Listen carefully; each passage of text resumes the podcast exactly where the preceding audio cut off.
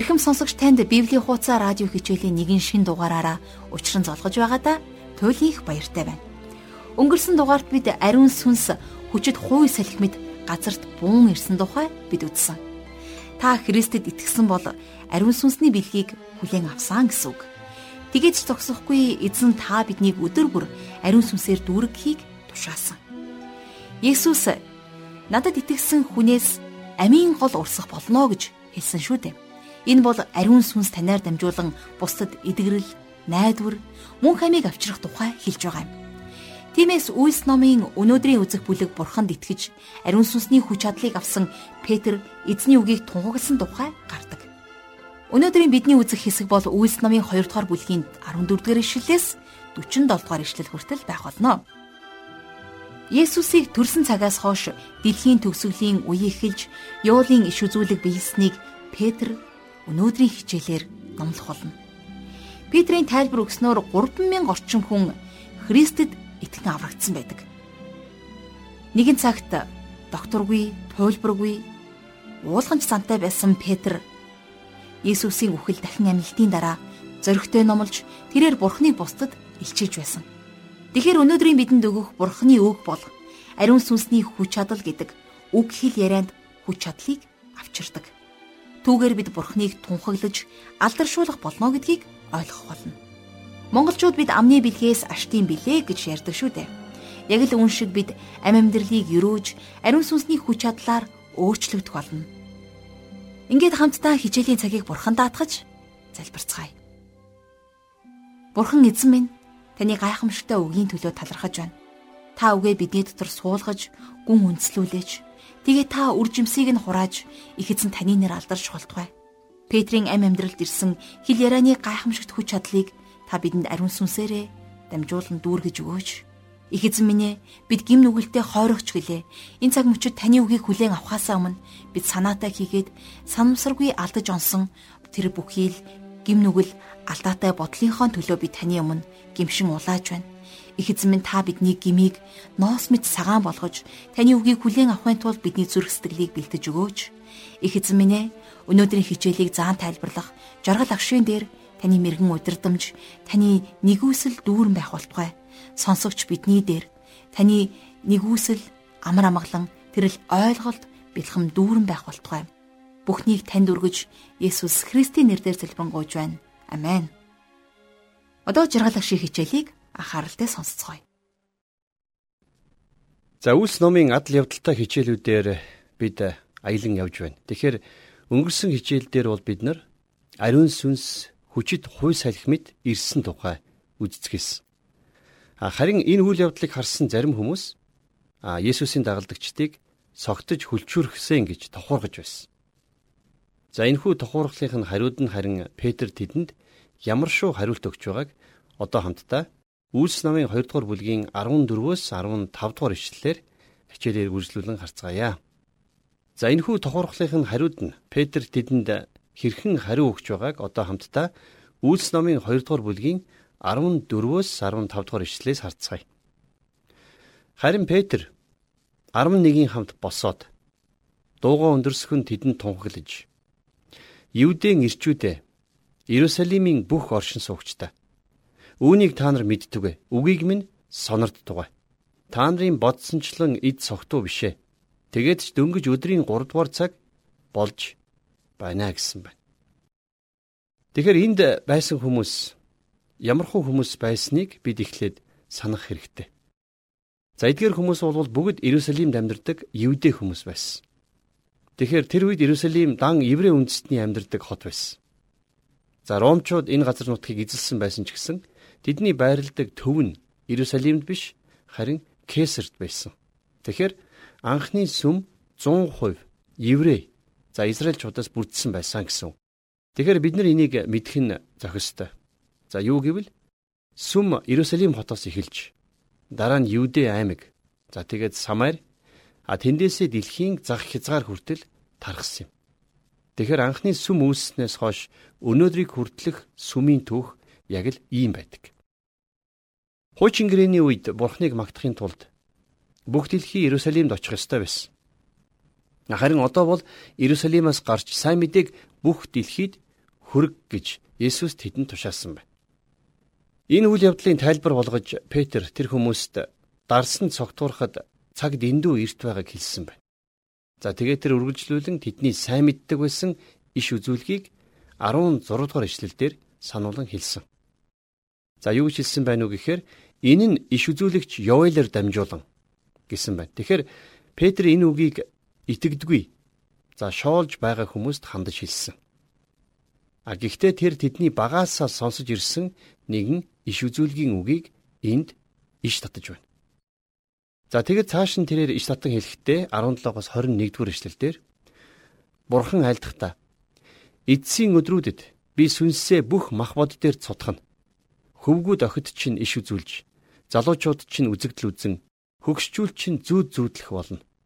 Ир им гэлгүй боолуудынхан дээр тэр өдрүүдэд сүнсээ цутгана. Тэд иш үзүүлэх болно.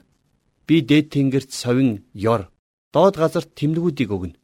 Энэ нь цус, гал, суунаглах утаа билээ. Эзний агуу цог жавхланд өдөр ирэхийн өмнө нар харанхуйлж сар цус мэт болно. Эзний нэрийг дуудсан бүхэн аврагдах болно хэмэв гиснээр болжээ гэсэн байна.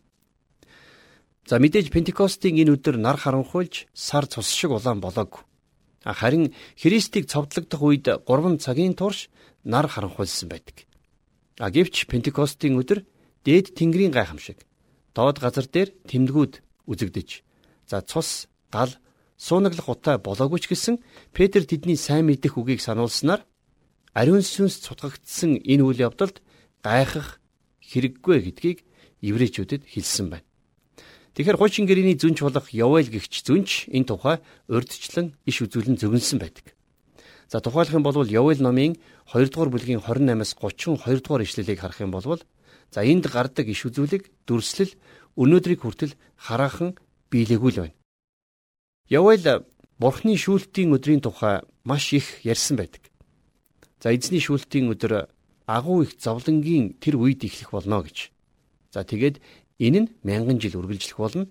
Энэ үед дэлхийд дайн дажин шүүлт ирэх тухай Явел хэдэн зуун жилийн өмнө зөвгнөн ярьсан байна. Тэгэхээр Петр энэ бүхэн хожим биелэх болно гэж хэлж байна. А яг энэнтэй төстэй зүйл өнөөдөр буюу Пентекостийн өдөр болж байна гэдгийг л тэнд цугласан олонд сануулсан. За тэр ийхүү оршил өгүүлбэр хэлээд за тэгээд дараа нь гол сургаал руугаа ордог.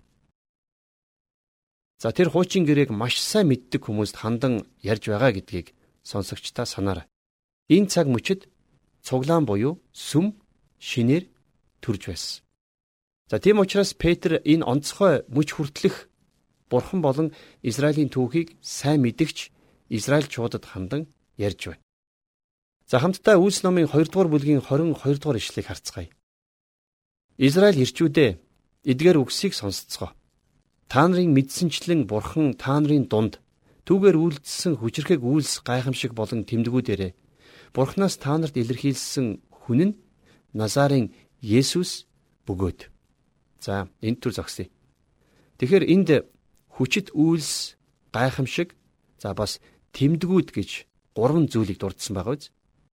За энэ гурвыг ижил төстэй гэж бид заримдаа боддог ч гэсэн Есүс тус бүрийг нь тусдаа зорилгын дагуу хийдэг байсан. За жишээлх юм бол эдгэрлийн гайхамшгууд нь хүмүүсийг бурхан дээр авчрах зорилготой. За ингээд Үлс номын 2 дугаар бүлгийг үргэлжлүүлэн 23-аас 24 дугаар ишлэгийг харцгаая. Тогтоосон шийдвэр ба урдаас бурхны мэдсний дагуу тушаагдсан түүнийг та нар хуйлгуужуудын гараар хадаж алсан. Тэрээр үхэлд автсаар байх боломжгүй тул бурхан үхлийн шаналлыг устгаж түүнийг амьлуулав.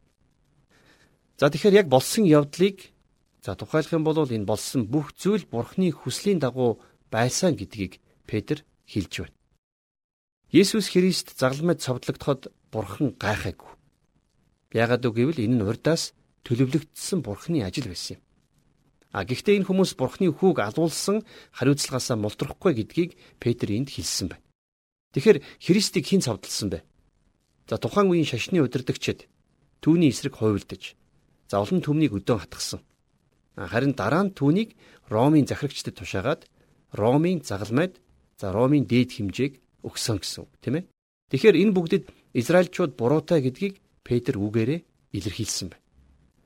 А гэхдээ Есүсийн үхэлд хин нэгнийг буруутгах бол үнэхээр утгагүй хэрэг. За яг үнэндээ болвол та бид нар бүгдээрээ за бүх хүн төрлөختөн Христийн үхэлд буруутай. Яагад үг гэвэл тэр та бидний бүгдийн гим нүглийн төлөө нас барсан юм. За тийм учраас би энд Иохны сайн мэдээ номын 10 дугаар бүлгийн 17-оос 18 дугаар ишлэлийг иш татмаар байна. Есүс ингэж хэлсэн байгаа. Тиймээс эцэг намайг хайрладаг. Учир нь би өөрийн амийг буцааж авахын тулд амиа өгнө. Хинч миний амийг надаас авахгүй. Харин би өөрийн санаагаар түүнийг өгнө. Амиа өгөх эрх мэдэл надад бий. Буцааж авах эрх мэдэлч надад бий. Энэ тушаалыг би эцгээсээ хүлээн авсан юм а гэж. За Петр энэ үгийг хэлэхдээ Есүсийн үхэлд гар бие оролцож байсан хүмүүст хандаж хэлсэн. За тэгээд Петр цааш нь үргэлжлүүлэн Есүсийг бурхан үхлээс дахин амьлуулсан тухай ярьдаг. За энэ бол байна штэ. Анхны чуулганы анхны номлол байсан. Энэ бол эхлэл Пентекостийн өдөр ариун сүнсний өдөр байлаа. Петрийн ярьж байгаа гол сэдэв болвол Явелийн иш үзүүлэг биш. Харин Есүсийн дахин амилсан тухай байсан. За бид нар ч гэсэн бас энэ сэдвийг өөрчлөхгүй байвал сайн юмсан. За дараа нь Петр дуулал номын 16 дугаар бүлгийн 8-аас 10 дугаар ишлэлийг иш татсан байдаг. За энэ үгийг хамтдаа 2 дугаар бүлгийнхээ 25-аас 28 дугаар ишлээс харцгаая. Давид түүний тухай Эзэн өмнө минь үргэлж байгааг би харсан. Тэр миний баруун талд байдаг учраас би ганхахгүй. Тиймээс зүрх минь баярлаж, хил минь баяслаа мах бод минь найдвар дотор оршино. Учир нь та сэтгэлийг минь үхгсдийн оронд орхихгүй. Ариун нэгэндээ ялзралыг үзүүлэхгүй. Өөрт минь та амийн замыг мэдүүлж өөрийнхөө оршихуугаар надад баяр хөөргийг дүүргэнэ гэсэн байдаг. За, Петрийн саяын иш татан уншсан дуулал номын 16 дугаар бүлэг дээр Давид Христийн дахин амьлалтын тухай ярьсан байна. За, тэгээд энэ бүхнийг биелсэн. Ариун сүнсээр дүүрсэн Симон Петр одоо харин энэ дуулалыг тэднэрт тайлбарлан өгч байна. За 29 дугаар ишлэлдэр ах トゥ нараа өвөг Давидын тухайд би та нарт итгэлтэйгээр хэлэхэд тэр үхэж оршуулгадаад булш нь өдгөөг хүртэл бидний дунд байна гэсэн. За эндээс харах юм бол Петр хуучин Иерусалимийн сүмийн дэргэд зогсож байсан байна. За тэр баг Давидын булшийг хуруугаараа заах боломжтой тийм газар зогсож байсан. Яагаад гэвэл Давидын Сион уулан дахь булш тэндээс их тодхон харагддаг. За тийм учраас Петр саяны дуулал дээр Давид өөрийнхөө тухай яриаг нь тодорхой. Учир нь тэр өнөөдрийг хүртэл булшиндаа л байгаа. Харин тэр Христийн тухай ярьж байсан гэдгийг нь тайлбарлсан байна. За 30-аас 31 дугаар эшлэлдэр Тэр иш үзүүлэгч байсан учраас түүнд бурхан андгаалсанчлан өөрийнх нь үрээс синтитэн залахыг мэдээд Христийн амиллыг угтан харж тэр үхгсдийн оронд орхигдсонгүй мах бодонч ялзралыг үдсэнгүй гэжээ. За Давид Есүс Христийн дахин амьлалтын тухай энд ярьж байсан. За энэ хэсэгтэр бол Есүс Христийн нэрийг хэдийгээр дурдаагүй ч гэсэн түүний тухай ярьж байсныг ариун сүнс харуулсан байна. За ингэж Симон Петрийн заасан сүмийн анхны сургаал дахин амьлалтын тухай байсан байна. За тийм ч учраас Петр ингэж хэлж байна. 32 дугаар эшлэлдэр энэ Есүсийг Бурхан амьлуулсан. Бид бүгд үүний гэрч нар мөн гэсэн байна. Тэгэхээр Петр олон түмэнд хандаж та нар галилчуудыг өөрсдийнхөө хэлээр ярих гайхамшигыг сонсож харсан нь Есүс дахин амьлсан учраас л тэр юм а гэдгийг хэлж байна гэсэн үг. За цааш нь 33-аас 35 дугаар ишлэлдэр Тимээс тэр бурхны баруун гарт өргөмжлөгдөж эцгээс амлсан ариун сүнсийг аваад та нарын үзэж сонсож байгааг цутгсан юм. Учир нь тэнгэрт гарсан нь Давид биш бөгөөд тэр өөрөө эзэн миний эзэнд айлдахдаа миний баруун гарт залрахтун. Би дайснуудыг чинь чиний хөлийн гişхүр болгох хүртэл залрахтун химээв гэсэн юм гэж хэлсэн байна. Хуучин гэрээн дээр бурханд итгэж байсан хүмүүс тэнгэрт очтгүй байсан. Хуучин гэрээний ариун хүмүүсийг энд итгэхийг амьдруулахаар дахин амьлуулах болно гэж Библиэлд бичигдсэн. Харин шин гэрэний сүмийнхнийг шин Иерусалимд аваачих болно. Тэгэхээр өнөөдрийн итгэгчид нас барахтаа махан биенээсээ салаад эзэн дээр очтгоо гэж Паул Коринт хотынд бичсэн 2 дугаар загтлынхаа 5-ын 8 дээр тодорхой хэлсэн байдаг. За энэ номлолын дараагаар Петр дууллын 110 дугаар бүлгийн 1-р ишлэлээс иш татсан байна. Есүс Бурхны баруун гар талд заларч энэ дэлхийд хаанчлаа тогтоохын тулд буцсан ирэх хүртлээр тэнд байна гэдгийг энүүгээр сануулсан. Харин Есүс энд байх үедээ дэлхийд ажилласаар байгаа. 36 дугаар ишлэлээр Бурхан тиймээс та нарын цовдлсон тэр Есүсийг эзэнч Христч болгосныг Израилийн айл бүхэн баттай мэдэх түнгэв. За энүүгээрээ Петр Христ тэдний төлөө нас барсныг хэлж байна. За тэгээд цааш нь 37 дугаар эшлэлдэр сонссон зүйл нь тэдний зүрхийг хүндсэнд Петр болон бусад элч нарт ах トゥ нараа бид одоо яах вэ гэв. За Симон Петрийн хэлсэн эдгээр үгс тэнд цугласан хүмүүсийг гимшилд хүргэсэн байна. Тийм учраас тэд нар одоо бид нар яах вэ гэж асууж байна. За 38 дугаар эшлэлдэр Петр тэдэнд гимших түн хүн бүр Есүс Христийн нэрээр баптизм хүртцгээ. Ингэснээр та нарын нүгэл уучлагдж бас та нар ариун сүнсний бэлгийг авах болно гэсэн. Тэгэхээр яг энэ үгийг чухамхүү бурхны яг л энэ үгийг өн эрт цагаас олон үе удам дамжин сонсож ирсэн хүмүүст Петр хэлж байсан. Тэд нар Бурхны үгийг ийм сайн мэддэг хэрнээ Бурханаас дэндүү хол байсан. За тийм учраас Петр тэд нарыг гимшиж одоо гимшснээ батлан баптизм хүртцгээ гэж хэлсэн байна. За энэ баптизмын тухай асуудал бол усан баптизмын тухай ярьж байна. Тэгэхээр энийг хийснээрээ тэд нэр гимээсээ эргэж Христэд итгэсэн гэдгээ батлан харуулах байсан. За Петр нэг ёсондоо тэднэрт хуучин заншил ёсоор гимээ цагаатгах өргөл барьц авчрах биш. Харин Христэд итгэж усаар угаалган гимшснээ харуул гэж хэлсэн байна. Тэдний үйлддэг усан баптизм болвол Христ бол хүмүүсийн гим нүглийг цэвэрлэгч Бурхны хураг мөн гэдгийг харуулж байсан. За тэгээд дараагаар нь та нар ариун сүнсний бэлгийг хүлээн авна гэж хэлсэн нь Есүс Христэд итгэсэн хүн болгон ариун сүнснээс бэлгийг авна гэдгийг илэрхийлэн хэлсэн явдал байсан. За 2 дугаар бүлгийн 39 дугаар эшлэлдэр Учир нь уг амлалт та нар болон та нарын хүүхдүүдийнх төдийгүй бас алсад байх бүгдийнх бөгөөд манай бурхан эзнэр дуудагдсан болгоных билээ гэв. За Петрийн хэсэг дээр алсад байгаа хүмүүсийг гэж хэлсэн байгаа үст. Тэгэхээр энэ бол та бидний тухай ярьсан хэрэг байна. За 40 дугаар ишлэгийг харцгаая. Тэр өөр олон үгээр гэрчлэн энхүү гажууд үеийнхнээс аврагдах тун гэж тэднийг синхруулж байлаа. За өөрөөр хэлэх юм бол Петр тэднийг хуучин ёс заншлаа за бас шашнаа орхиж Христ рүү эрэг гэж ятгсан байна. 41 дугаар ишлэлдэр Ийхүү түүний үгийг хүлээн авагсад баптизм хүртцгээв. Тэр өдөр 3000 орчим хүн нэмэгдэжээ.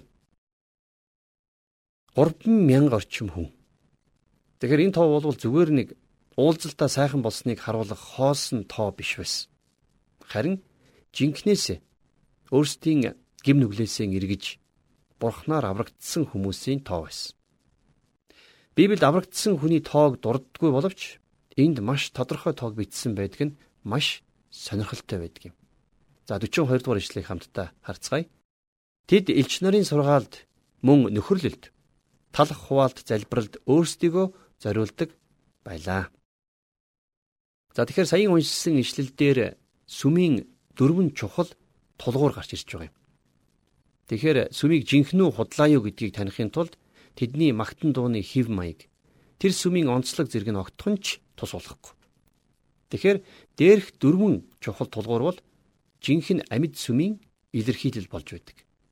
За нэгдүгüрт нь тэд элч нарын сургаалыг үргэлжлүүлэн сонсож байсан гэж бичсэн байна. За тиймээс сүмийн хамгийн чухал зүйл бол элч нарын сургаалыг дагаж байгаа явдал байсан. За хоёрдугаар тулгуур болвол нөхөрлөл. Бид нэр Христийн тухай бие биентэйгээ хуваалцдаг байж. За нөхөрлөлөөс гадна гуравдугаарт нь тэд нэр талах хуваалцдаг байсан гэж. Тэгэхээр хайрын зоогийг барин талах хувааж идэх нь зүгээр л нэг хоосон ёслол биш. Харин энэ ёслолоор та бид нар Христтэй нэгдэж түүнтэй дотн харилцаатай болсныг билэгддэг. За сүмийн дөрвөн чухал зүйлийн дөрөвдүгээрх нь болвол залбирал байсан. За тэгэхээр энэ тал дээр өнөөдрийн сүмүүд жаахан дутмаг юм шиг санагддаг. А гэтэл альва сүмийн хамгийн хүчрхэг зэвсэг бол хамтдаа цуглаж залбирах залбирал байдаг шүү дээ. За 43 дугаар ишлэгийг үргэлжлүүлэн харцгаая. Хүм бүрд айдас байла. Учир нь элч нараар олон гайхамшиг тэмдэг үйлдэгдэж байв. За тэгэхээр элч нарт хүртэл гайхамшиг болоод тэмдгийг үзүүлэх тэр авьяас бэлгийг бурхан өөрийнхөө сүнсээр дамжуулан өгсөн байна. За цааш нь юу болсныг 44-өөс 47 дугаар ишлээс харцгаая. Итгэссэн бүгд хамтаараа байцгаан. Бүх юм нийтих байв. Хин нэгэнд хэрэгцээ гарах үед эзэмшил, өмч хөрөнгө худалдаж, түүнийгээ бүгдэд тэд түгээдэг байлаа. Өдөр бүр тэд нэг сэтгэлээр сүмд цуглаж, талхан айлуудад хувааж, талархал хийгээд өгөөмөр зүрхээр хоололцгоон бурхныг магтаж, хамаг ардын хайр хүндэтгэлийг олж байв. Эзэн аврагдагсдын тоог тэдэн дээр өдрөөс өдөрт нэмэгдүүлж байлаа.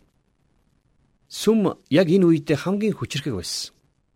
За өнөөдрийн итгэгчдийн дунд яг ийм амьдралын хэв маягийг бий болгоно гэх юм бол үнэхээр амаргүй. За энэ бичигдснээр сүм хүчрхэг байсан шалтгаан. За дээрэс нь аврагдагсдын тоо нэмэгддэг байсан энэ шалтгаанууд бол эзний хийж байсан ажил гэдэг нь маш тодорхой бичигдсэн байна.